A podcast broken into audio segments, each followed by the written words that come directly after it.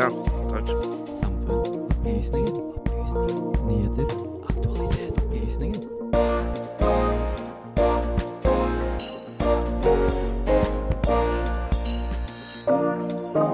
Venstre har et nytt forslag om å forby å kunne putte et barn på sosiale medier. Hva er egentlig greia med norsk taco?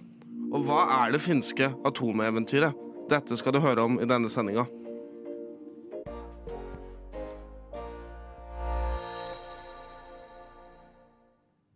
God morgen, god morgen, god morgen. Du hører på Opplysningen her på Radio Nova, og dette kommer til å bli en stappfull sending full av morsomme og spennende saker. Vi skal blant annet høre om taco, Venstres nye forslag til å forby bilder av barn på sosiale medier, og et finsk atomeventyr. Med meg i studio har jeg Runa Hei. og min nye tekniker Stian. Og jeg får prate òg. Hei! Hei. Men eh, før vi, gå, før vi skal gå inn i denne spennende sendingen, så er det jo fint med litt fredagsmusikk. Der hørte du altså låta 'Trabant', oppkalt etter den nydelige sovjetbilen. Men nå skal vi snakke om noe litt annet, nemlig taco. Hva er ditt forhold til taco, egentlig, Runa? Mitt forhold til taco uh, Skal vi se om vi får noe lyd på mikrofonen. Der er jeg med! Jeg får være med! mitt forhold til taco er vel egentlig at eh, jeg spiser det sikkert ukentlig. Jeg elsker det. Jeg syns det er så godt. Uh, men jeg driver med litt forskjellige varianter, da. Bare for å liksom spice opp litt. Fisketaco, mest vegetartaco. Nå driver jeg og tester de ulike krydderne, for nå har det kommet så mange rare kryddere. Ah, ja, for kan man bruke Tex-Mex til uh, slik vanlig ikke, u, ikke vanlig, men slik uvanlig taco, holdt jeg på å si? Til Jeg syns det. bønnetaco og fisketaco? Ja, jeg syns det. Uh, men nå er det kommet så mye annet, sånn barbecue-taco og taco med cayennepepper og Det er mye rart der ute. Hva er ditt forhold da, Stian, til taco? Og jeg elsker taco. Taco er min uh, numero uno uh, matrett. Um, så Nei, altså taco. Blessed. Blessed Ja. mat. I hvert fall den eh, skal jeg si, Jeg er veldig glad i meksikansk mat òg, for den norske tacoen kan ikke akkurat skryte på seg å være så veldig meksikansk, Nei, egentlig. For det er en sånn der merkelig kombinasjon av den der Tex-Mex-tradisjonen i California og Texas, meksikansk og så noe merkelig norsk. Ja, Hvordan blei det egentlig sånn? ah, Godt spørsmål. Det, her, det lurer jeg på, så kanskje vi skal høre litt om hvordan vi egentlig har endt opp med taco som en nasjonalrett her i kalde nord. Nå er jeg spent. Åh, jævlig! Nå er det fredag, folkens. Jeg trenger vel ikke spørre om hva som står på menyen til middag i kveld, for det er ikke pizza, og det er ikke fiskepinner, og det er heller ikke gryterett. Nei, i dag skal vi nyte den hellige fredagstacoen. Vi nordmenn har i lang tid dedikert én av syv dager i uka til denne så å si nasjonalretten. Men det vi kaller taco, er nok et relativt fremmed konsept for meksikanerne, der taco er fra. I tillegg til at meksikansk autentisk taco er nokså fremmed for oss. Varianter som carne asada og birria har ikke blitt fullt introdusert til nordmenn før det gikk viralt på TikTok bare noen år tilbake. Men enda har det ikke blitt en del av den norske standardfamiliens ukemeny. Det er dog ingen regler for hva som skal være i meksikansk taco. Det eneste som er viktig, er at den består av en tortillalefse laga av maismel, en god salsa og en form for protein, gjerne kjøtt, som regel av gris. Vi alle vet derimot hvordan norsk taco både ser ut, smaker og hva det inneholder. Man spiste ikke bare i lefse heller. Tacopizza, tacobagett, tacoboller og tacogryterett finnes også. Men det eneste som skal til for at de her kvalifiseres som tacoretter, det er at kjøttdeigen blandes med tacokrydder fra Santa Maria eller Old El Paso, og at det er litt smelta ost inni bildet. Men hvordan har den norske tacoen blitt som den er? Det hele det starta i 1965. Amerikanske gjester kom til Stavanger for å lete etter olje i Nordsjøen. Brorparten av de her amerikanerne de var fra Texas, hvor konseptet Tex-Mex kommer fra. Så for de så var taco allerede en veletablert del av husmannskosten. Den norske kjøpmannen Allert Middleton forhørte seg dermed med konene til oljearbeiderne om hvordan produkter de savna mest fra hjemlandet. Det førte til at han importerte ingredienser til bl.a. taco for å tilfredsstille de her amerikanske gjestene. Tre år senere, i 1968, var det OL i Mexico, som bidro til å gjøre meksikansk mat mer kjent og kommersiell. Etter det her ble meksikansk gryte en vinner på norske middagsbord. Det tok derimot tid før tacoen slo an blant det norske folk. I 1973 begynte handelsbetjenten Oluf Lorentzen å importere Old El Paso til Norge. Merket ble større og større, og Old El Paso møtte etter hvert konkurranse fra Santa Maria på 80-tallet. Og man ser fortsatt i butikkhyllen at konkurransen står mellom de her to merkene når det kommer til hva man skal handle inn til fredagstacoen. På slutten av 80-tallet tok tacoen skikkelig av i de norske hjem. Ifølge en undersøkelse fra A-magasinet så spiste man på starten av 90-tallet over 10 millioner taco i året i Norge. I 1999 slo avisa Nordlys fast at Norge er blitt verdens mest etende taconasjon, og to år senere, i 2001, lanserte stabburet Grandiosa Mild Taco som den første utveksten på det såkalte Grandiosa-treet. Hopper man videre til 2010, så spiste 44% av alle nordmenn taco, enchiladas eller en annen type meksikansk mat én gang i måneden eller oftere, ifølge Synovate-undersøkelsen Norske spisefakta. Bare åtte år senere, i 2018, gjennomførte Ipsos samme undersøkelse, som også er titla Norske spisefakta. Da kunne de melde at så mange som 80% av oss spiste taco minst én gang i måneden, mens 13% spiste det hver eneste fredag. Og ifølge tall fra Haugen-gruppa, som distribuerer Old El Paso i Norge, så er nemlig Norge det landet i verden som spiser mest meksikansk mat per innbygger, etter Mexico. Hver eneste uke så selger Old El Paso alene hele 250 000 krydderpakker i Norge. Det her det utgjør 13 millioner krydderpakker i året. For å sette det i perspektiv, så bor det 5,5 millioner mennesker i Norge. Så det her, det sier sitt. Vi elsker taco. Så med andre ord så er det altså ingen hemmelighet at nordmenn har en brennende lidenskap for taco. Jeg kan også innrømme at det er derfor dere nå hører meg snakke om det. Jeg merka kontrasten på flittigheta taco serveres som middag, da jeg i løpet av ett år på utveksling i England fikk taco servert én gang totalt, i kontrast til hjemme i Norge, hvor det er fast kost på fredager. Det er en sterk norm for oss å se de svære hyllene med tacoprodukter på butikken, og at konsensusen er stor kjærlighet for denne retten. Bare på nærbutikken min i Tromsø så har de f.eks. 40% avslag på tacovarer på torsdager og fredager hver eneste uke. Norsk taco har altså blitt slik vi kjenner den, av flere tiår med både amerikanisering og fornorskning. Flere mener også at norsk taco ikke er en del av Tex-Mex i det hele tatt, men heller Calmex, altså meksikansk mat California-style.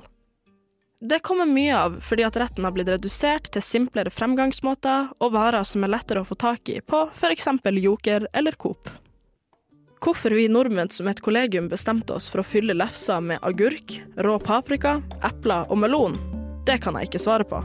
Men taco det er et fritt konsept. Som meksikanerne sier, så er det ingen krav for hva som kan finne sted mellom lefsa for at det skal kunne klassifiseres som taco. Den guddommelige retten den lever i hvert fall i beste velgående. Og fredagene skal fortsette å fylles med taco, tacopizza, gryterett og for eksempel en tacobagett fra kantina. Neimen, Bertilla! Ja, Har du glemt å høre den siste episoden av Opplysningen på Radio Nova? har nok det. Men da kan du jo bare høre det som podkast når du vil. Å, det skal jeg jammen meg gjøre. Runa, hva tenker du egentlig om atomkraft? Å, det er et godt spørsmål. Ehm, jeg tenker vel egentlig at eh, det er litt lite diskutert her i landet. Vi har liksom bare slått fra oss det og sagt at eh, nei, vi skal ikke ha noen form for eh, kjernekraft i Norge. Eh, og så er vi ferdig med den diskusjonen, og det syns jeg egentlig er litt synd. For det er jo ganske mye mer miljøvennlig enn denne olja vi driver og pumper opp, f.eks. Ville du sagt at du er pro kjernekraft på norsk jord? Eh, Jeg, vager vel et sted imellom, tror jeg. Ja. At eh, eh, jeg tenker at det er et bedre alternativ enn mye annet. Eh, og så må vi finne ut om vi har et annet alternativ som kanskje kan fungere enda bedre. Men vi må gjøre det ganske kjapt, da. Eh, vi har ikke så innmari god tid. Ja, og jeg har hørt at våre naboer i Finland, de driver jo en del med dette og har begynt med et nytt atomeventyr. Hva er det? Hva er det for noe? Hva skjer, hva skjer der hos våre gode naboer i Finland? Åh, Det lurer jeg også på. Jeg, jeg fikk så vidt høre litt om det her om dagen. Og så vidt jeg har skjønt, så har de vel et atomkraftverk som fungerer litt annerledes enn de andre. At de er ganske øh, nytt Det er ganske nytt, rett og slett. Og at de har en annen måte å drive det på som er enda mer på en måte fornybar og miljøvennlig enn enn de forrige. Er det thorium? Det kan godt hende det er thorium. For thorium har jo vært mye prat om nå i det siste som et mye tryggere eh, versjon av det klassiske atomkraftverket. Og vi i Norden sitter jo på mye thorium, ergo navnet er vel oppkalt etter Thor. Sjølveste guden av eh, lyn og alt det der. Ja.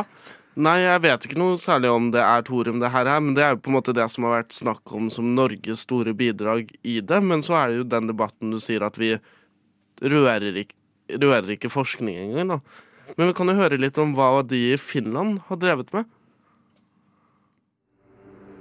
På en liten grønn øy i den vakre finske skjærgården finner vi noe litt uforventet. Her ligger nemlig et av Europas største kjernekraftverk. Siden 2005 har den finske staten investert milliarder i oppgradering av anlegget i Olkiluoto. Og i mars 2023 avdekker man den nyeste utvidelsen. Når snoren omsider klippes, øker Finland sin kraftproduksjon med nesten 15% Dette er Olkiluoto 3. Kärnkraftsenheten Olkiluoto 3 drivs nu för första gången med full effekt. Det uppger bolaget Teollisuuden Voima i ett pressmeddelande. Skal vi tro TVO, som drifter anlegget, er det gode nyheter for klima. Når reaktoren er i normal drift, vil den anslagsvis redusere tilsvarende 11 millioner tonn CO2 i atmosfæren. Nordens geopolitiske situasjon har også kommet og banket på døren. Som følge av krigen i Ukraina har Finland kraftig sanksjonert sin nabo Russland. Well, of course, we are in midst of energy crisis because we are, as Europe, uh, too dependent on Russia, Russian fossil fuels. We have to focus on two issues. Uh, of course, making sure that we can produce more cleaner energy, uh, our own. De har dermed besluttet å bli mer selvforsynte på energi. For Finland passer det da veldig greit at den bestillingen de gjorde hos franske Areva og tyske Siemens, liner opp og fullføres i grevens tid. OL3 tar også mange små og større rekorder. Vårt naboland Finland har fått det som trolig er verdens mest avanserte atomkraftverk. Og prislappen? Det franske selskapet som har bygget atomkraftverket, de har gått over budsjett med ca. 60 milliarder kroner.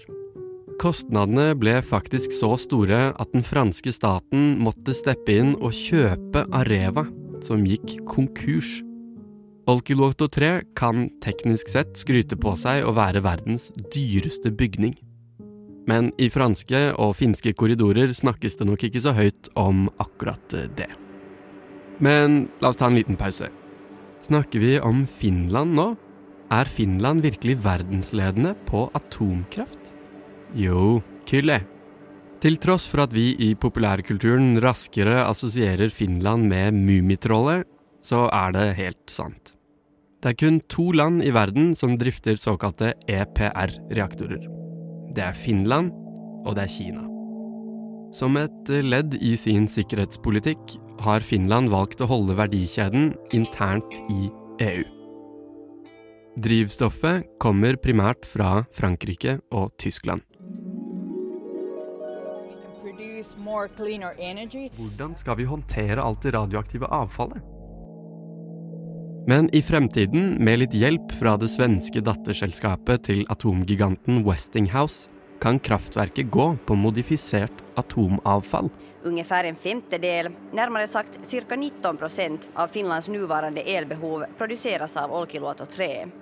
Finland har i sannhet konkludert at atomkraft er en viktig del av deres bærekraftstrategi. For å nå klimamålene går andre land i samme fotspor, men med milliardsprekken friskt i mente er det ubesvarte spørsmål. Er atomkraft en del av en universal løsning? eller blir det forbeholdt verdens rikere økonomier? Den debatten er helt klart radioaktiv. What did I think when Maduro took power? Well, he's a clown. Finne et litt mer, litt mer nyansert språk der. Jeg tror vi bare skal forstå det sånn at dette dreier seg om teknologi. Du hører på Radio Novas samfunns- og aktualitetsmagasin Opplysningen. Hver fredag fra 10 til 11 på Radio Nova.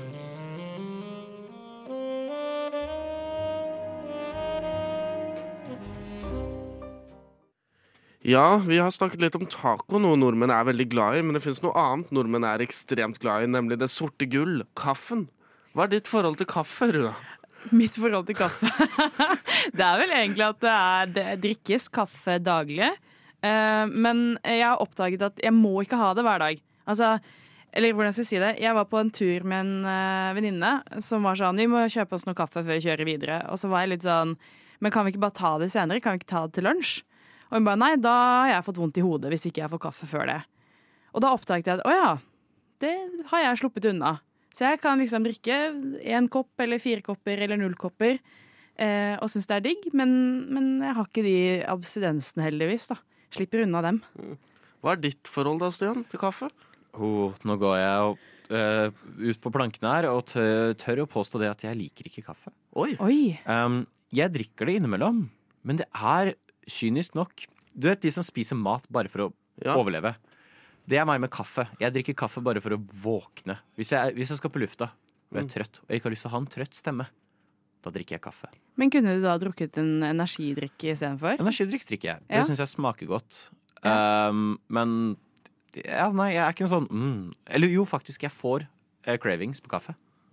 Merkverdig nok. Men du liker det ikke? en sånn Jeg kan bli fysen på kaffe. Kanskje mm, det var godt med kaffe. Så jeg går ned, lager meg kaffe, tar en sipp, og umiddelbart går øh, Hvorfor lagde jeg meg kaffe? Jeg liker ikke kaffe. Så det er mitt forhold til kaffe. Stemningen med kaffe, egentlig. Altså den, den hyggen med kaffe. Det er noe koselig med lukta, Ja. og det er nesten så du kan føle klirringen av at du er på kafé. Ja. Det skal Jeg, sies. jeg elsker kaffe. Det er, eh, jeg er massiv kaffeperson. Jeg kverner bønnene hver dag. Jeg driver med sånn derre ja, Jeg har et fullt setup, og jeg elsker bare det rutinen med å lage kaffe. Nesten mer enn kanskje å drikke selve drikken. Men du snakker jo nettopp om det, at du ikke føler avhengighet. Men det er jo en del som får disse abstinensene. Da er det jo et stort spørsmål. Går det egentlig an å bli avhengig av kaffe? Og det er en Det har vi sett litt på, da. Nordmenn elsker kaffe. Kaffe til frokost, en kaffepause på jobb og kaffe til kakene. Kaffe har for mange blitt til noe mer enn kun en oppkvikkende drikk. Det har blitt til noe sosialt, et pusterom i hverdagen.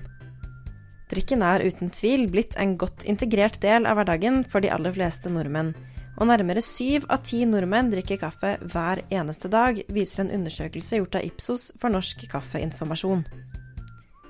Men kan vi bli avhengige av kaffe?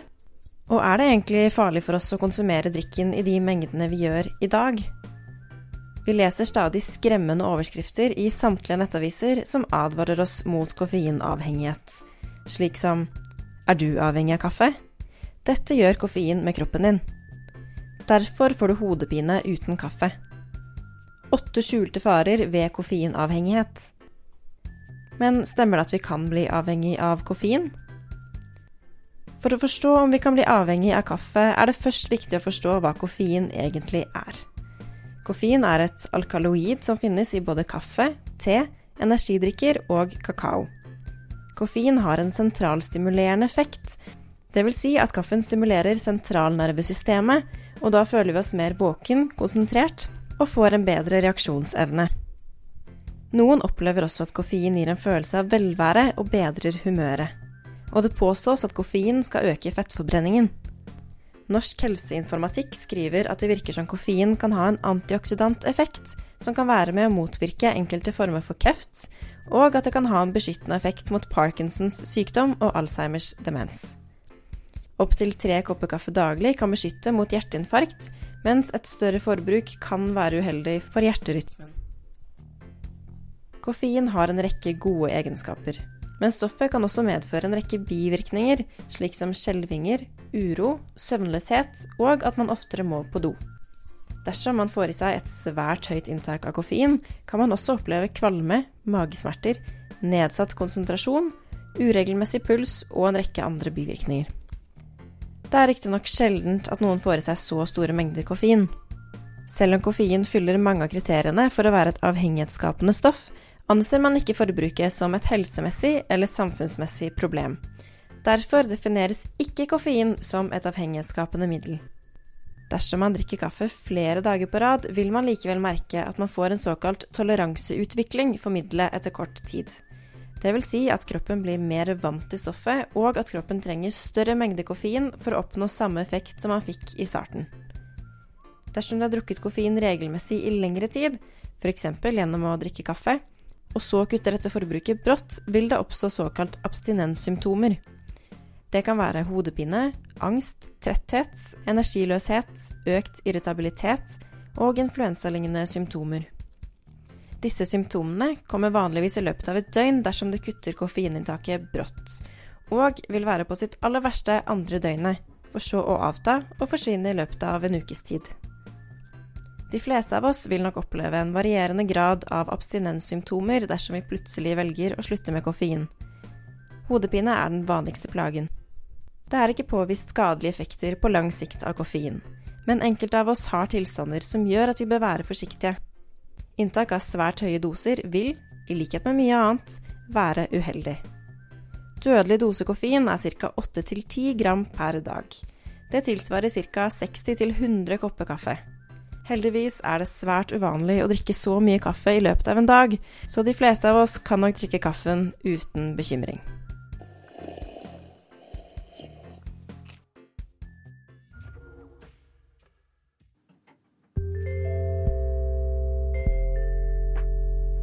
Teknologi og digitalisering gjør at det vi ikke fikk til for noen år siden, det er mulig nå. At det å stadig vekk skulle balansere mellom frihet og ufrihet Det er ikke noe særlig lurt å stole på viljestyrken, f.eks. Kirkas demokratisystem. Opplysningen hver fredag fra klokken 10 til 11.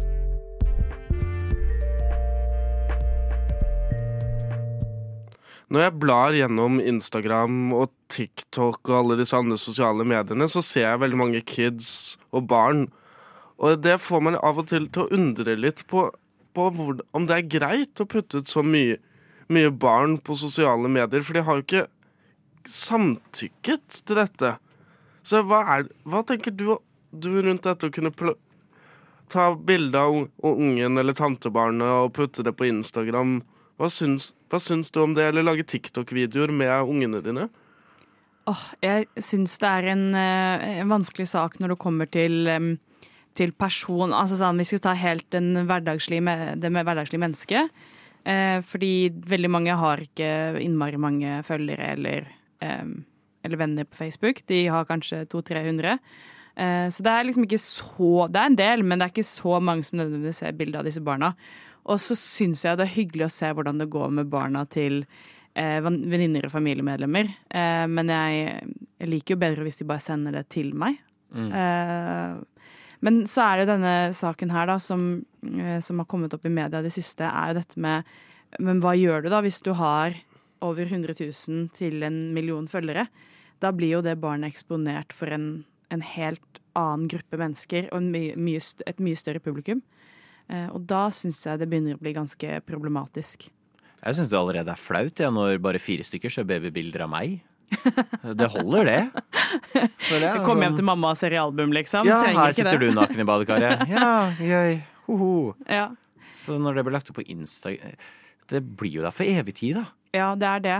Og så tenker jeg sånn altså, eh, Babybilder eh, OK, de fleste Altså, babyer er søte. Man ser ikke nødvendigvis hvem det er, men man vet hvem det er, fordi det er, Ja. vet hvem som Mm. har lagt det ut. Eh, men jeg syns jo at dette med at de ikke har eh, samtykke, altså at de ikke kan samtykke, og at man deler det og deres privatliv med såpass mange, eh, bør i hvert fall være oppe for debatt mye mer enn det det er. Eh, For jeg syns det, det, er, det er mye deling av barn eh, som gjør barneting. Sånn som eh, på Instagram i hvert fall, så dukker det opp en del sånn Å, se på ungen min, oppfører han seg ikke. Eller eh, morsom video av toåring som gjør dette. Og så er det sånn, ja, det er gøy, men, men er det greit for den toåringen? Hvor gøy er det når de ikke er to og er 18, Mm. og det blir dratt fram Det blir jo sånn når man graver tilbake i Facebook-historikken til folk. Det er sjelden moro. Uh, ja, jeg har gått tilbake på min egen Facebook-historikk noen ganger og tenkt uh, her skal vi bare gå og slette litt, fordi Mm. dette er flaut. Og det blir kanskje litt verre når du på en måte selv ikke har valgt det. For de dumme tweetsa jeg puttet ut da jeg var 14 og edgy, valgte jeg dessverre selv å putte ut. Men det er noe annet når foreldrene gjør det. Og så tenker jeg dette med um, Jeg husker i hvert fall veldig godt at det er, det er en periode hvor barnebilder er helt greit. Altså Du er liksom eh, null til ti år, ikke, ting er helt greit, foreldrene dine tar bilde av deg, du er fornøyd med det. Og så kommer tenårene, og så blir alt dritflaut. Og spesielt det å ha venner hjemme som ser på bilder av deg da du var barn. Det er jo Ja. bare dødsflaut. Åh, jeg husker du var 14 år, og de bare 'Er det nakenbilde av deg?' Tenk om det hadde ligget ute, da. Ja, Det hadde vært helt grusomt. Jeg setter veldig pris på alle de som har barn og legger ut bilder, men hvor du ikke kan se ungen. Uh, og det har jeg sett bli en trend blant, annet, blant kjendiser, men også blant flere av mine venner Også, Har jeg sett legger ut bilde av ungene sine, men det er ryggen til. Du ser det ikke. Det er ikke, det er ikke badebilder. Men det er sånn å, de er ute og aker. Men det er bare de som står med ryggen til. Eh, men kjelke. Det er umulig å identifisere, og det er ikke noe pinlighet med det. Mm. Eh, og det er en stor kontrast til alle de som skal legge ut alt. Mm. Og her er eh, en hel podkast jeg har med ungen min. Det blir gøy når de er 14. Mm, jeg tror denne saken spesielt så går det jo på dette med kommersialisert bruk av barn, fordi man tjener bra med penger. Jeg lurer på om det var Kristin Gjelsvik eller noe som snakket om at hun kunne fått liksom 100 000 mer eh, i måneden eller noe. Det var helt vilt mye penger. Eh, dersom hun liksom la ut bilder av babyen i barnevogna hvor babyen syns, eh, og reklamerte for det. Det var et eller annet, det var helt ville summer. Ja, det er, det er jo det, og det er jo denne diskusjonen som du føler er litt manglet. Den har blant annet Venstre da tatt, tatt litt på banen, og du har gjort et intervju. Ja, eh, jeg var så heldig at eh, jeg fikk komme til eh, Stortinget. Jeg dro dit sammen med Lise Benus, som er vår RED-leder her, eller redaksjonsleder. Eh, Og fikk snakket med da Grunde Almeland, som er han som har fremmet dette forslaget for Venstre. Så det var eh, utrolig spennende og veldig gøy å høre hva han faktisk hadde å si om saken. Ja, la oss høre det. Det er tidlig på morgenen. Og mens resten av Norge allerede er på vei til jobb, sitter jeg hjemme med en kopp kaffe og scroller meg gjennom dagens første nyheter. Det tar ikke lang tid før én sak dukker opp på flere medier. Grunde Almeland fra Venstre har akkurat lansert et forslag for Stortinget om å stramme inn på influenseres bruk av barn i reklame på sosiale medier. Og på Instagram har de selv lansert saken. Der står det Barn har rett til privatliv. Derfor vil vi i Venstre innføre en ny paragraf i barneloven som tydeliggjør barnets selvstendige rett til vern om sitt privatliv.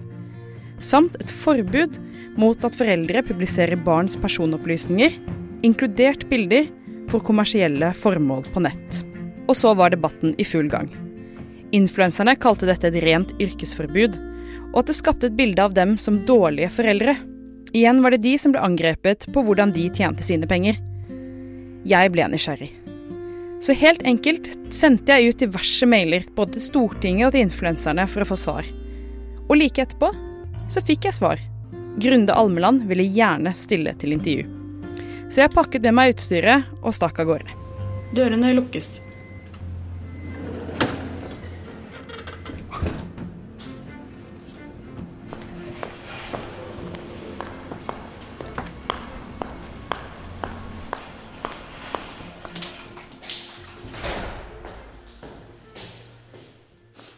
Uh, hei, jeg har en avtale med Grunde Almeland.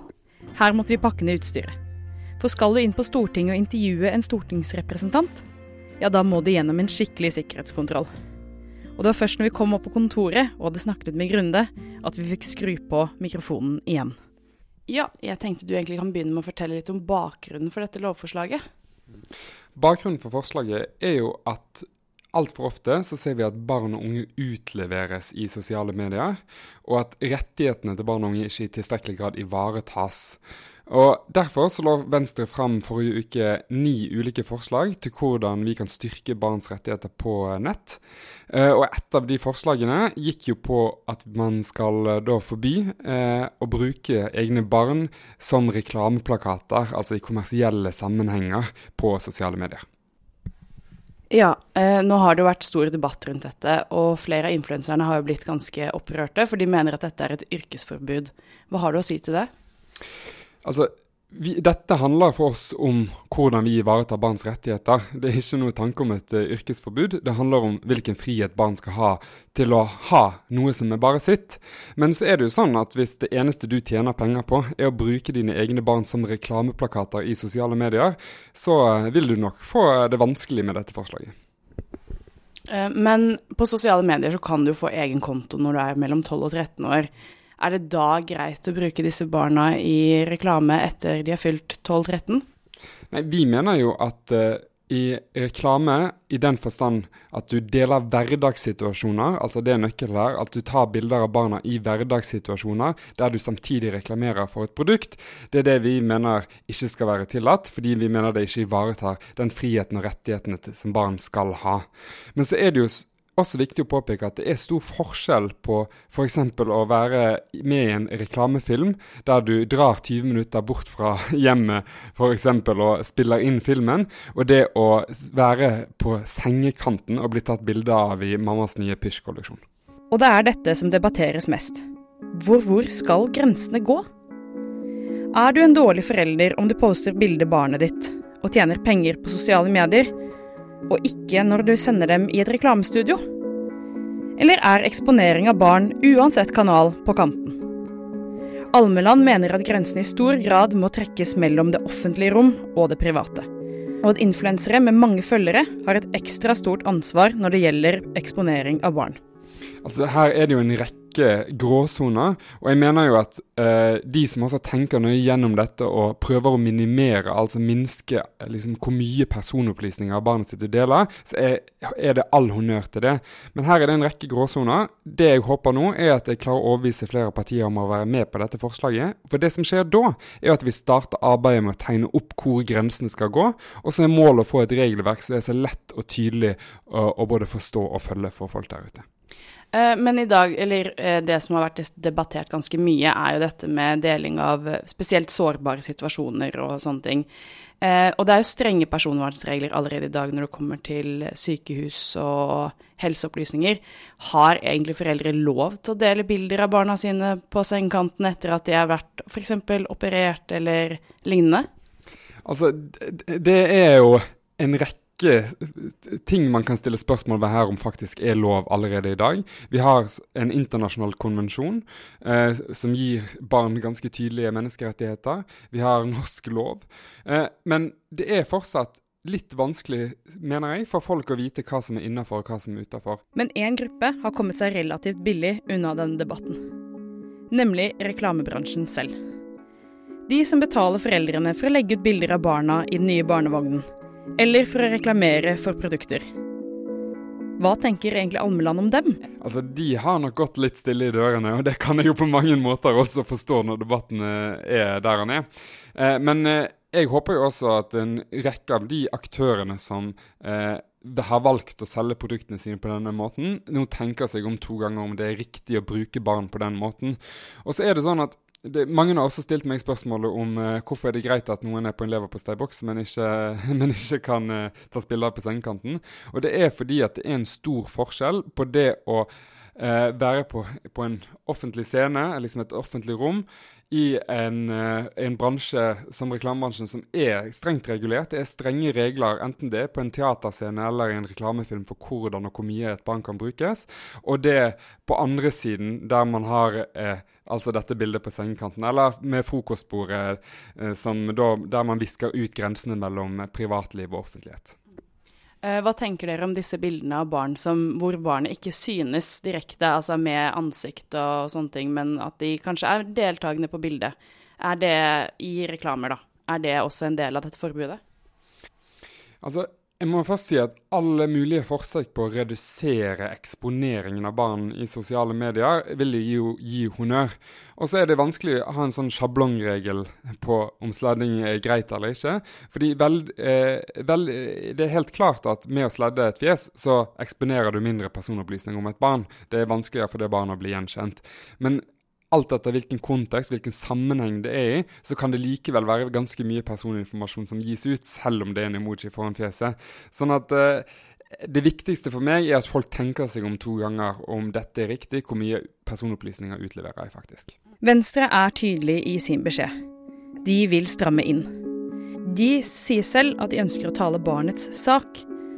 Hvordan lovforslaget blir, er ikke bestemt. Og det gjenstår mye arbeid igjen.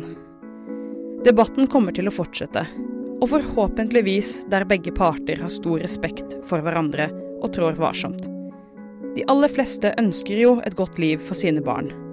Og det å bli stemplet som en dårlig forelder fordi du tjener penger på sosiale medier istedenfor den tradisjonelle reklamebransjen, det kan gjøre veldig vondt. Men til syvende og sist er det barnas sak vi som voksne må ta til orde for. Og det gjør denne debatten så utrolig viktig. Det blir spennende å se fremover hva løsningen blir. Og skal jeg kunne forskuttere litt i saken, så vil jeg tro at det kommer en slags lovendring for å beskytte barna. Og helt til slutt. Jeg har vært i kontakt med flere av de aktuelle influenserne i saken, men de har dessverre ikke svart på henvendelsene mine.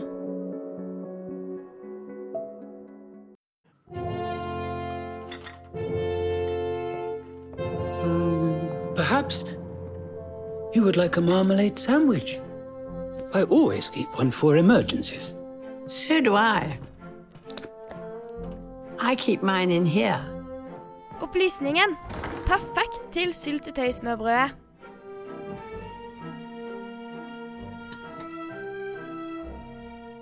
Der hørte dere en av våre nydelige jingler. Eh, Men nå er det dessverre på tide å avslutte denne, denne sendinga. Og da lurte jeg egentlig bare på hva skal du i helgen, Stian? Hva jeg skal? eh, jeg skal nå hjem og spille et spill for å gjøre meg klar til premiere på sending eh, av Snart stå på spill på lørdag. Så jeg er tilbake her på lørdag igjen. Hva, hva er det for noe? Det er programmet jeg og Sander her fra Opplysningen eh, har startet opp, som handler om videospill og merkelig godis. Det skal jeg høre på.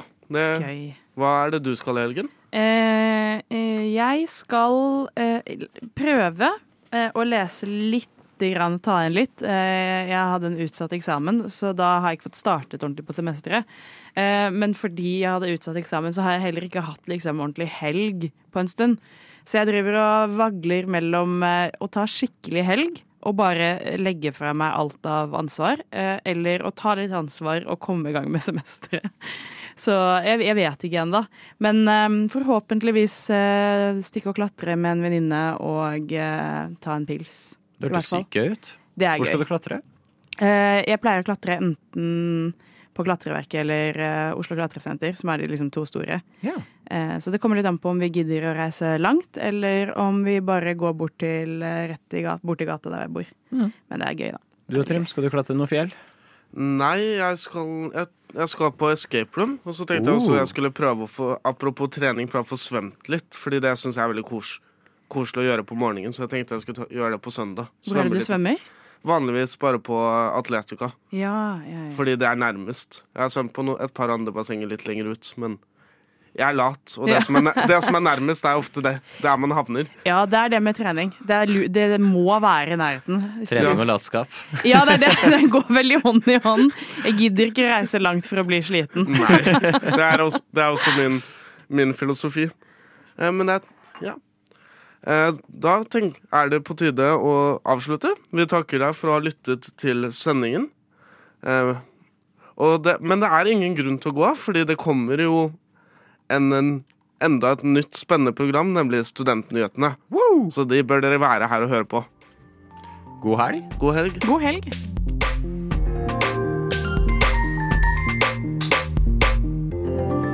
Du har hørt på en Radio Nova-podkast. Du finner flere podkaster i din foretrukne podkastavspiller eller på vår hjemmeside radionova.no.